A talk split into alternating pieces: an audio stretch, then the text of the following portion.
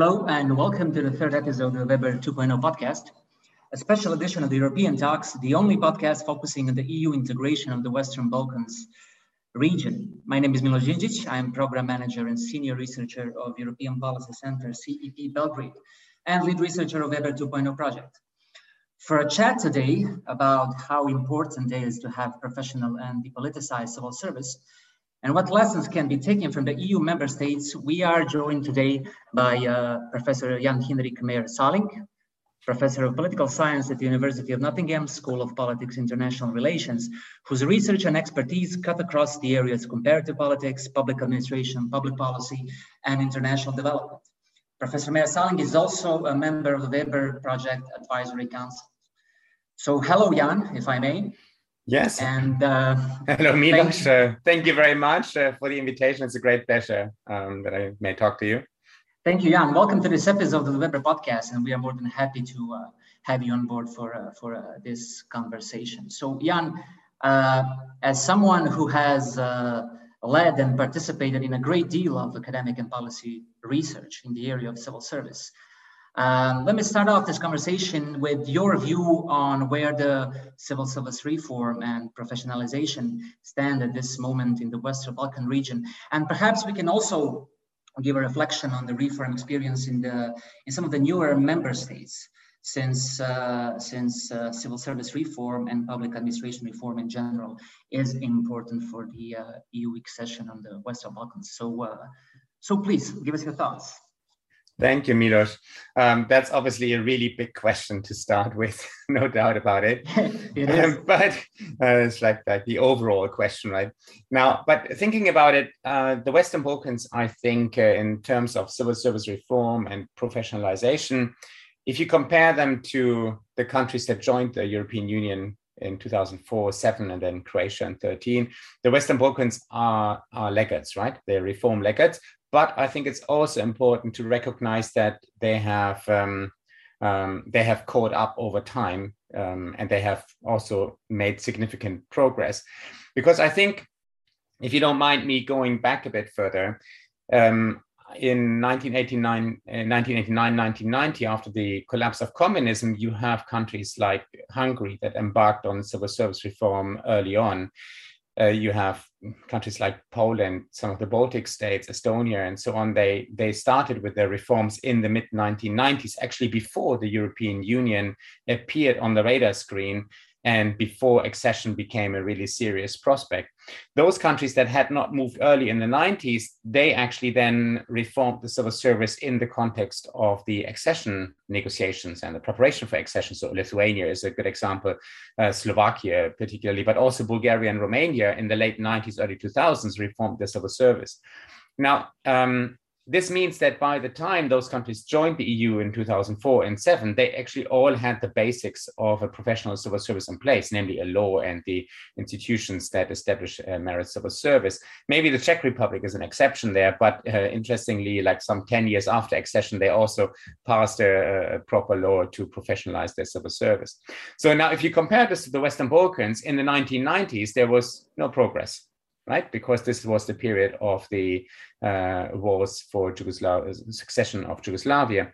Um, so clearly there is a decade that is missing. I mean, the, the reforms in the Western Balkans start literally in 1999 when Albania passed the first civil service law. I mean, Albania had actually passed something in the mid 90s already, but it was never really implemented. So the civil service reform story in the Balkans starts 10 years later, you could say. Now, from 1999, you have those countries like Albania, Macedonia, North Macedonia now that uh, passed legislation quite early on in order to catch up with the new member states or then still accession countries. And uh, but then again, you have a second wave in the mid 2000s, Serbia, Montenegro. I mean, you could add Croatia with qualifications there uh, that passed the reforms with the support of the European Union. I mean, often in the context of the CARDS programs. And the last country that um, that jumped on this kind of uh, bandwagon, you could call it, was Kosovo. After independence, then in 2010 they passed their law as well. So you have a decade, the 2000s, when the countries um, you know, put the basics of civil service reform and professionalization in place.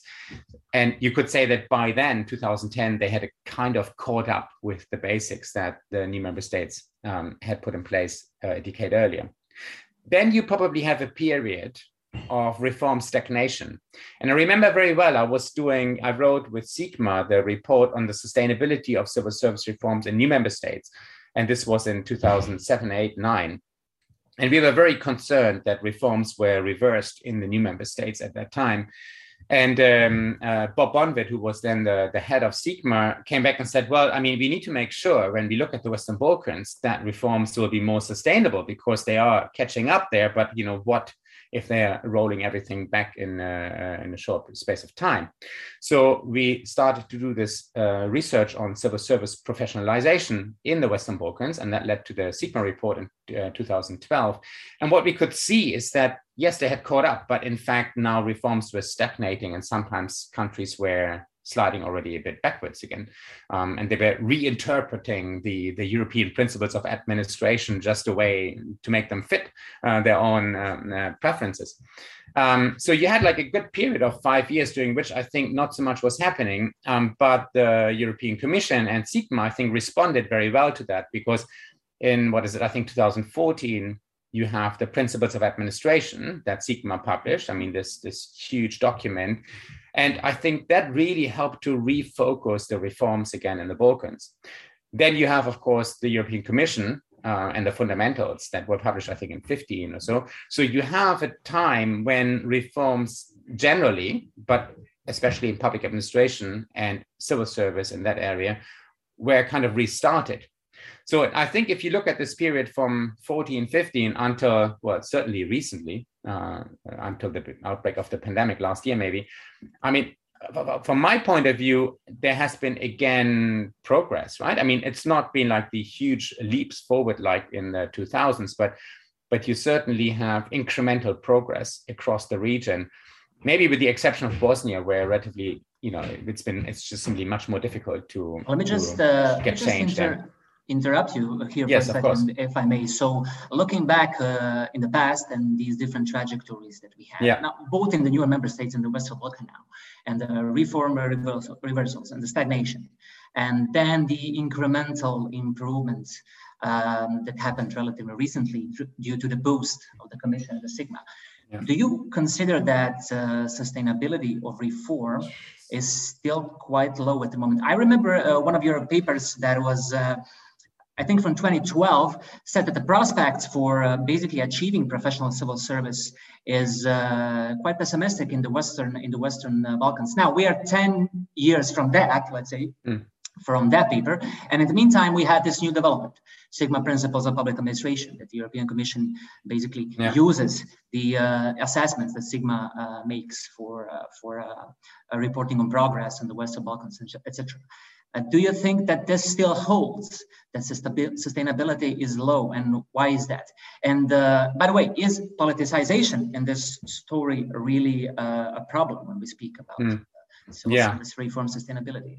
Yeah, these are actually really serious questions. I mean, I, I, I agree with you. So, I mean, I, I mean, I think maybe you could say that the picture that I painted for the last five years was a little bit too positive.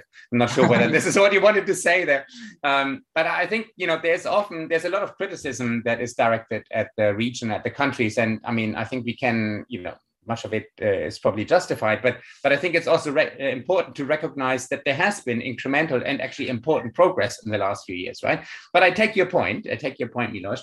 Um, you know, you talked about sustainability, you talked about politicization. I mean, you, you mentioned two big issues. I mean, thinking about politicization, um, clearly, I mean, even though there has been progress, I mean, the politicization of the civil service remains a serious issue in the region. Yeah, I think this is this is out of doubt. I mean, we have enough evidence for that. So um, if you think about so when we think about politicization we think about political appointments yeah and political interference with uh, recruitment promotion and dismissal decisions so uh, clearly i mean uh, often political appointments are very prominent at the top of the administration, right? The, the, the senior civil service. If you look at, yeah. at Serbia, where you have the opportunity to make, uh, uh, to appoint acting managers, I mean, this mm-hmm. is a large proportion, and these are political appointments. Yes, we know, and not, only, and not only, I'm sorry to again to yeah. just to add, not only yeah. Serbia. So in uh, Weber project, that is basically a yeah. civil society monitoring of public administration reform. We have new report PAR Monitor for 1920 that says when it comes to uh, politically motivated appointments, we have all or almost all senior civil servants in North Macedonia, Montenegro, and Serbia uh, being appointed without uh, competition. Without any competition, okay, yeah. So I mean, clearly, it's a region-wide problem. There are probably some some variation across the countries, I would assume, and uh, there's more volatility, more turnover in some countries than in others, uh, for sure. But I think what it indicates is that even though there are efforts to establish uh, merit recruitment procedures for the general civil service and for the senior civil service, at the end of the day, the implementation often then is, is lacking behind. Yeah.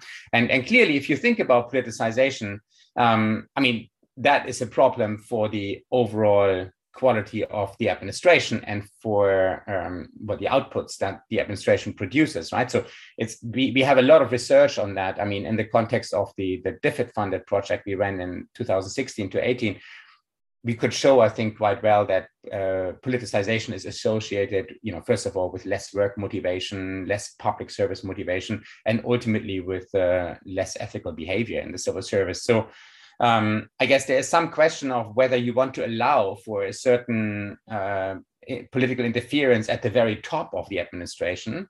Yeah, I mean, maybe the, the, the state secretary position or general um, secretary position. Uh, but below that, it should be largely autonomous from political interference. And I think what we see in the Western Balkans is that yes, at the top there's plenty of interference, but further down there's also often interference, either because it's creeping downwards or because uh, um, you also have uh, political connections that are important when it comes to the recruitment of you know people in, in, in lower ranking roles right? Um, so clearly I, I, can see that problem and it means that um, yes is the glass half full or half empty right? I mean that's a question you may want to ask here. Um, but i do think that if you if you uh, focus on the incremental progress yeah and say well as we are improving the regulatory frameworks yeah of the civil service and we are plugging the gaps that are still there. Um, and as we are improving the implementation by just building up the capacity to implement those laws, I do think that the scope for politicization will at least be somewhat reduced, right? I mean, it's not going to be plain open. And I mean, let me just give you a couple of examples there. I mean, take uh, Serbia again as an example. Until a few years ago, Serbia didn't have entry compulsory entry exams. Yeah. Mm-hmm. I mean, it was plain evident that there was a key feature of a professional merit based civil service that was lacking, it was just not there. Um, and uh, there was the amendment, I think it was in 18, 19, uh, 18. Um, and, and so if you now look at the um, civil service examination that Serbia has put in place, then it is one that you know clearly fits a lot of key criteria and in many respects it's more advanced than what you find anywhere else in the region yeah? Um, how well does it work in practice? Well i mean it takes probably a few years to make it work well right? But by having those kind of merit exams in place you clearly reduce a little bit the scope for political interference further down the, um, the hierarchy yeah? Basically you, uh, what you're saying is that uh, some countries in the western balkans such as serbia may have uh, regulatory framework or laws that are uh, have higher degree of fitness with European principles maybe than some uh, countries that are already member states, yeah. right?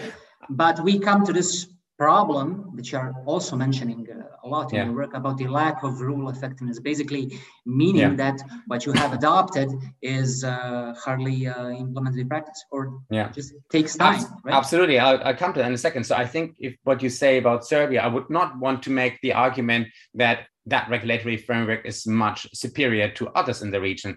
I think the point I wanted to make is that there was a major gap.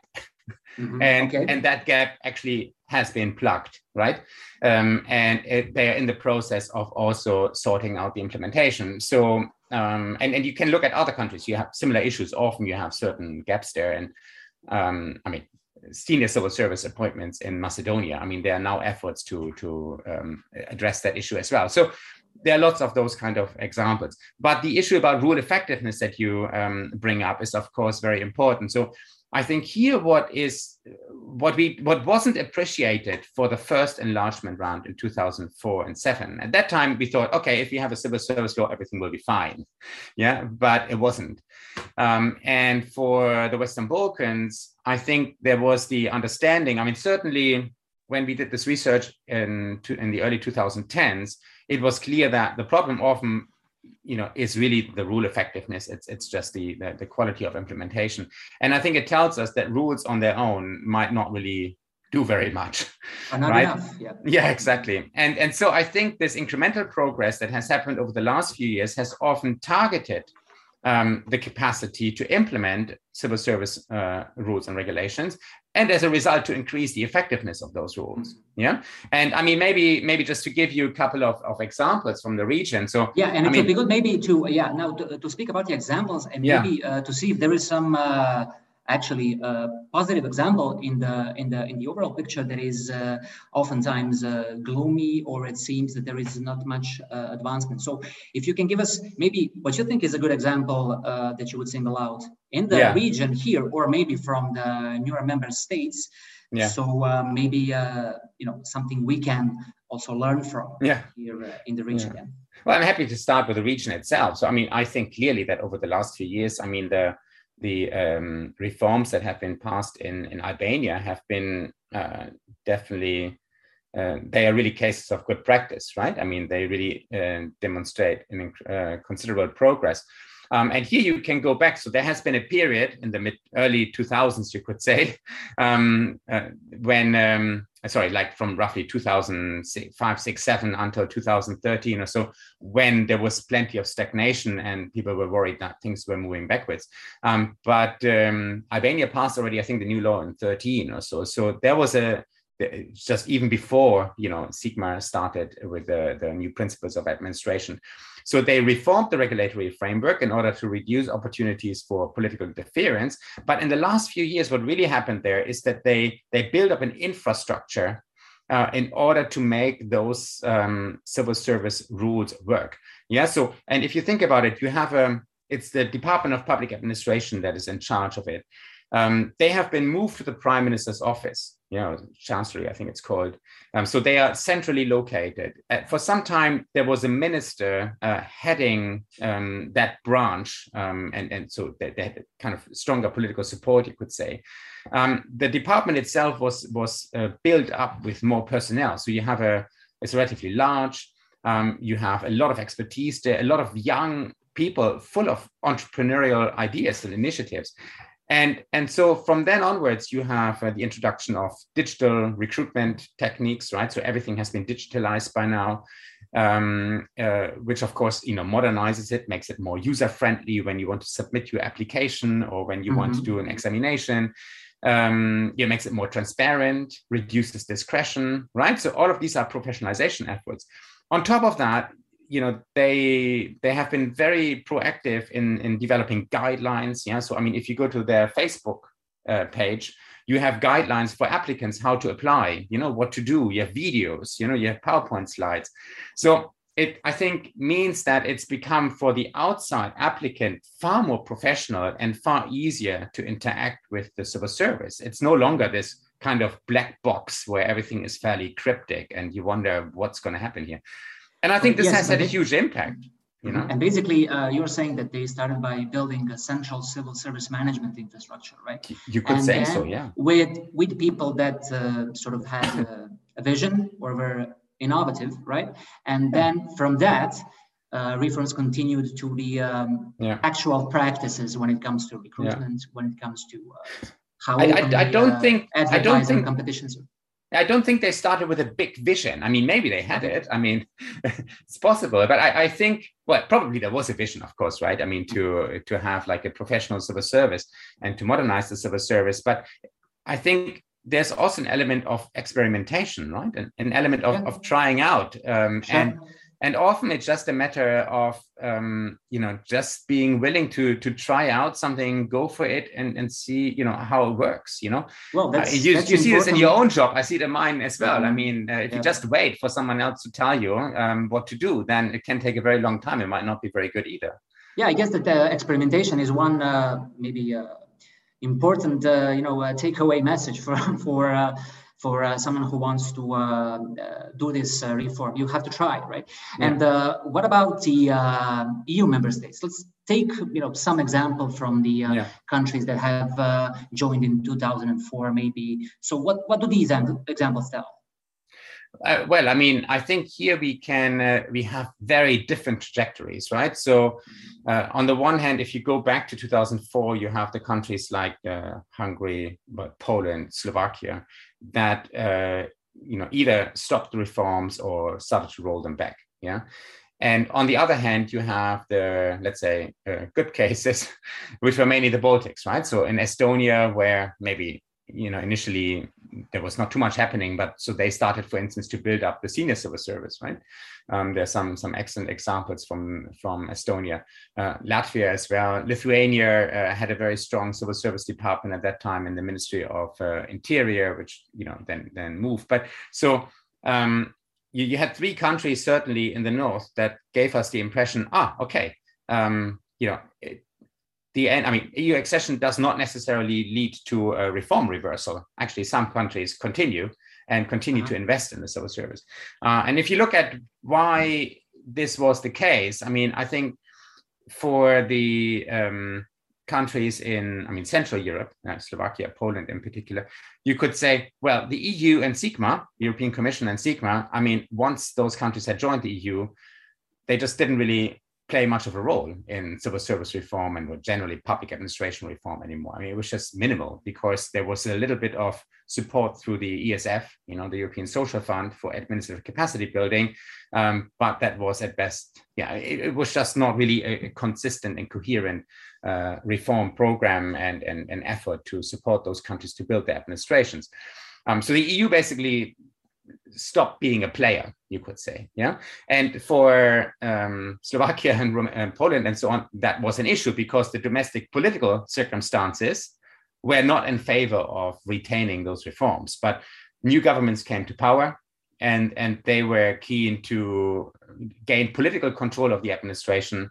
And they were doing away with uh, rules and regulations that uh, would restrict their you know, ability to, to control uh, recruitment, selection, and promotions, yeah, and transfers. So, and if you compare this to Estonia and, and Latvia, initially Lithuania, um, it's different there because in Estonia, for instance, you have had center-right coalitions of various combinations in power ever since what the mid 90s. Yeah, so so even though you have maybe governments that change and prime ministers that change, yeah, but you have at least uh, the same ideological stripe uh, running through those kind of coalitions. And this, of course, meant there was much less pressure to politicize mm-hmm. the administration. Yeah. And so, and in Lithuania, I think initially you had the same situation, um, but then political changes started to kick in a little bit later, um, or the alternations between left and right again, or between different blocks, you could say. And at that time, however, I mean, it's it's maybe something for really good future research. But I think it's quite evident that in Lithuania the institutions were more entrenched at the time. Political alternations um, uh-huh. this is this is a, frequent. Exactly what I wanted to, to ask you. So basically, we're speaking here uh, about how local political dynamics and changing yeah. governments and their orientation affects right con- continuity basically of the civil service reform. An example, yeah. uh, as an example, Estonia uh, had this, uh, let's say, uh, governments that did not interfere right into the civil service in a, in a bad way right mm-hmm. so basically they kept their hands off right mm-hmm. and uh, so the reform could continue on the other hand we have the example again i think you mentioned estonia and lithuania how institutions were in, entrenched mm-hmm. okay so basically bulletproof to any undue political interference which all which everything i mean everything that, that we just said brings us down to the point that uh, the uh, of the importance of the local actors right and local dynamics and in the western balkans uh, it seems that uh, since the reforms started, as you explained at the beginning, uh, the only thing basically that pushed these reforms to a great extent was the external conditionality. So the specifically EU, the EU accession process. So uh, what is your position on this, and how how do you think uh, this conditionality that is external interplays with the uh, internal factors such as uh, mm-hmm. local politics or uh, um, how strong institutions are? Yeah, oh, great. Okay, let me go uh, step by step here. So I think um, Estonia and political interference. I mean, in from a comparative point of view the civil service is fairly depoliticized, and uh, even at the very top, interference is quite uh, limited, really, right? But of course, I mean, some of my colleagues are, are you know, have um, probably more firsthand uh, insights there as well, and clearly point out that ministers, you know, try to interfere there as well. But compared to other countries, it's often really limited at the to the very top. Yeah, I think that's important. Estonia is a mm-hmm. small country uh, in some of the comparative research we could see is that nepotism is an issue, right? Because everybody knows everybody in Estonia. So you have nepotism, you know, really across the, the ranks. Is that a problem there? I mean, well, it seems that, um, you know, maybe it is, right? I mean, we don't really know probably how big the problem is, but Estonia is a small country and we have many of them in the Balkans too, right? So, so much about the Estonian issue there. Um, you, you said something about Lithuania and the entrenchment of institutions and that they have become bulletproof. I mean, definitely they have not become bulletproof, right? So okay. I think that is definitely not the case. But um, and and I can't really give you a good answer to that. And I think you know we don't have a good answer in in um, from the research side either there. But there is something about the fact that the institutions that were built during the period of pre-accession, they at least were given an opportunity to, to be built up, you know, I mean, to build mm-hmm. up capacity for implementation and to persist for a longer period of time than in, let's say, Slovakia or, or Poland. And, uh, and that seems to have led to a situation where, you know, political and bureaucratic actors seem to have recognized the benefits of having you know, a somewhat more functioning and professional civil service in place. And that might, you know, leads to later greater degree of acceptance um, of, of these kinds of professional civil service institutions. And that might have, uh, um, you know, at least reduced the kind of temptation among the you know new political leaders after Under, major changes understood. to change much you know understood so, and if we and, and we, if we let's say uh, agree for the point for the yeah. sake of this conversation that, that the reforms were let's say uh, incentivized by the uh, eu conditionality yeah. does that make uh, administration in the western balkans uh, less prone or vulnerable to reform reversal yeah. and slowing down or not yeah just yeah. Short. So, and that brings us to the to the Balkans, right? I mean, where you said um, it's all in really has been the result of EU conditionality. I mean, I think I'm just um, bringing this as, as, a, as an issue. Maybe uh, yeah, yeah, yeah, maybe it's not all the result of the conditionality. You know? I think it's quite clear that um, if you go back to the 2000s, of course, condition. I mean, the prospect of EU accession was essential for the reforms to take place in the first place. Yeah, um, the incremental progress we have seen over the last few years, you know, was significantly um, uh, to a significant extent the result of the EU providing guidance. Yeah, I mean, new prospects and, and also in terms of clearer guidance, if you think about the Sigma principles. Um, and and the kind of the work that RESPA is doing there as well. So I mean, and and but I gave you the Albanian example, right? So I think if you if you look at the efforts that have been uh, made in, in Albania, I mean, yes, their European principles have been important. Uh, EC support and prospects have been important, but there it's very it's i mean i would actually say there it's quite homegrown as well. There's been a lot of a lot of effort internally you know? Um, if you look at serbia montenegro i think the role of the european commission um, the role of sigma is probably more important. I mean I, am not sure how much would have happened in serbia with this uh, regulatory reform gap right? The lack of exams um, if uh, the EC and Sigma had not been a bit if more. There was proactive. no external push. Yeah. Exactly. Yeah, and and then you need to bear in mind. I mean, I think it was the GIZ that was the main partner for the development of this policy. So there has been, I think, there have been extremely important. That's been a very important opportunity to learn. Yeah. So and I think this this learning aspect is quite important. It's maybe often underappreciated. So you have different layers of shall we call it influence or support. So here we have the ec you know providing the overall prospect and you know putting things onto the agenda. Here's sigma mm-hmm. assessing providing pretty clear guidelines for how we want this professional civil service uh, to look like and, and assessing and and, and providing um, uh, support and opinions on legislation and, and reforms.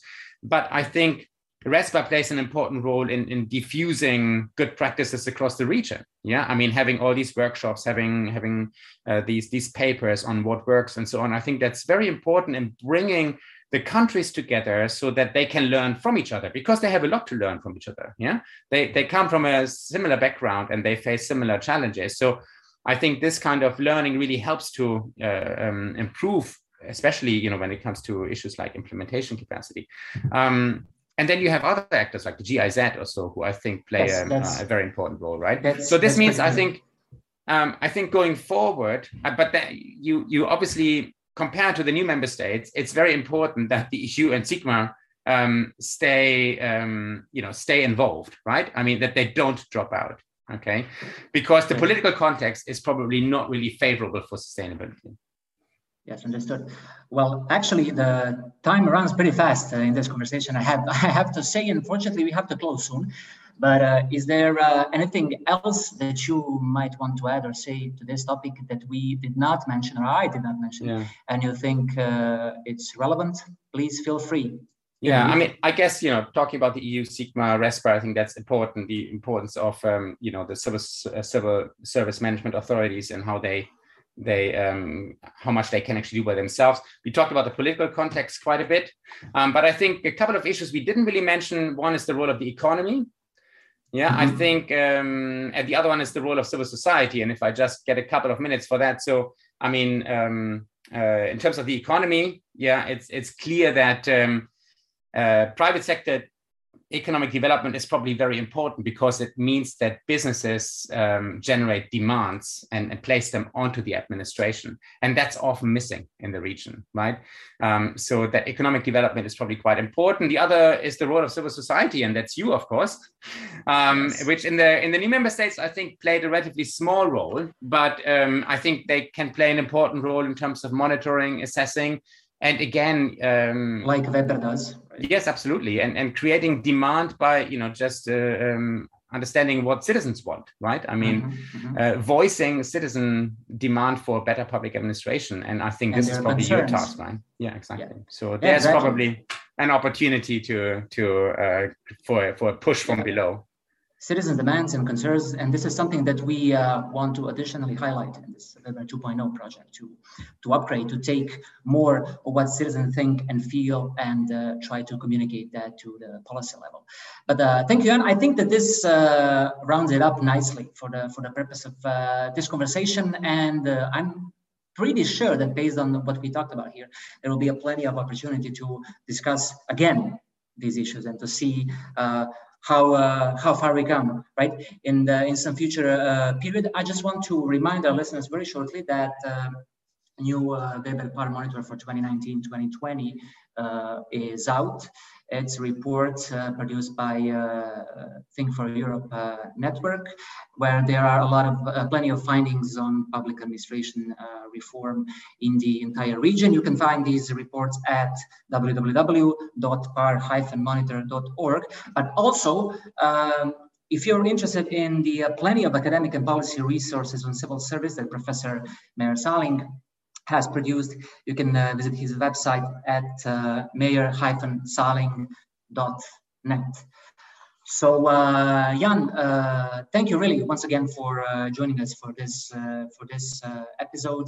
And until the next time, I wish you all the best. Thank you. Thank you. Thank you very much.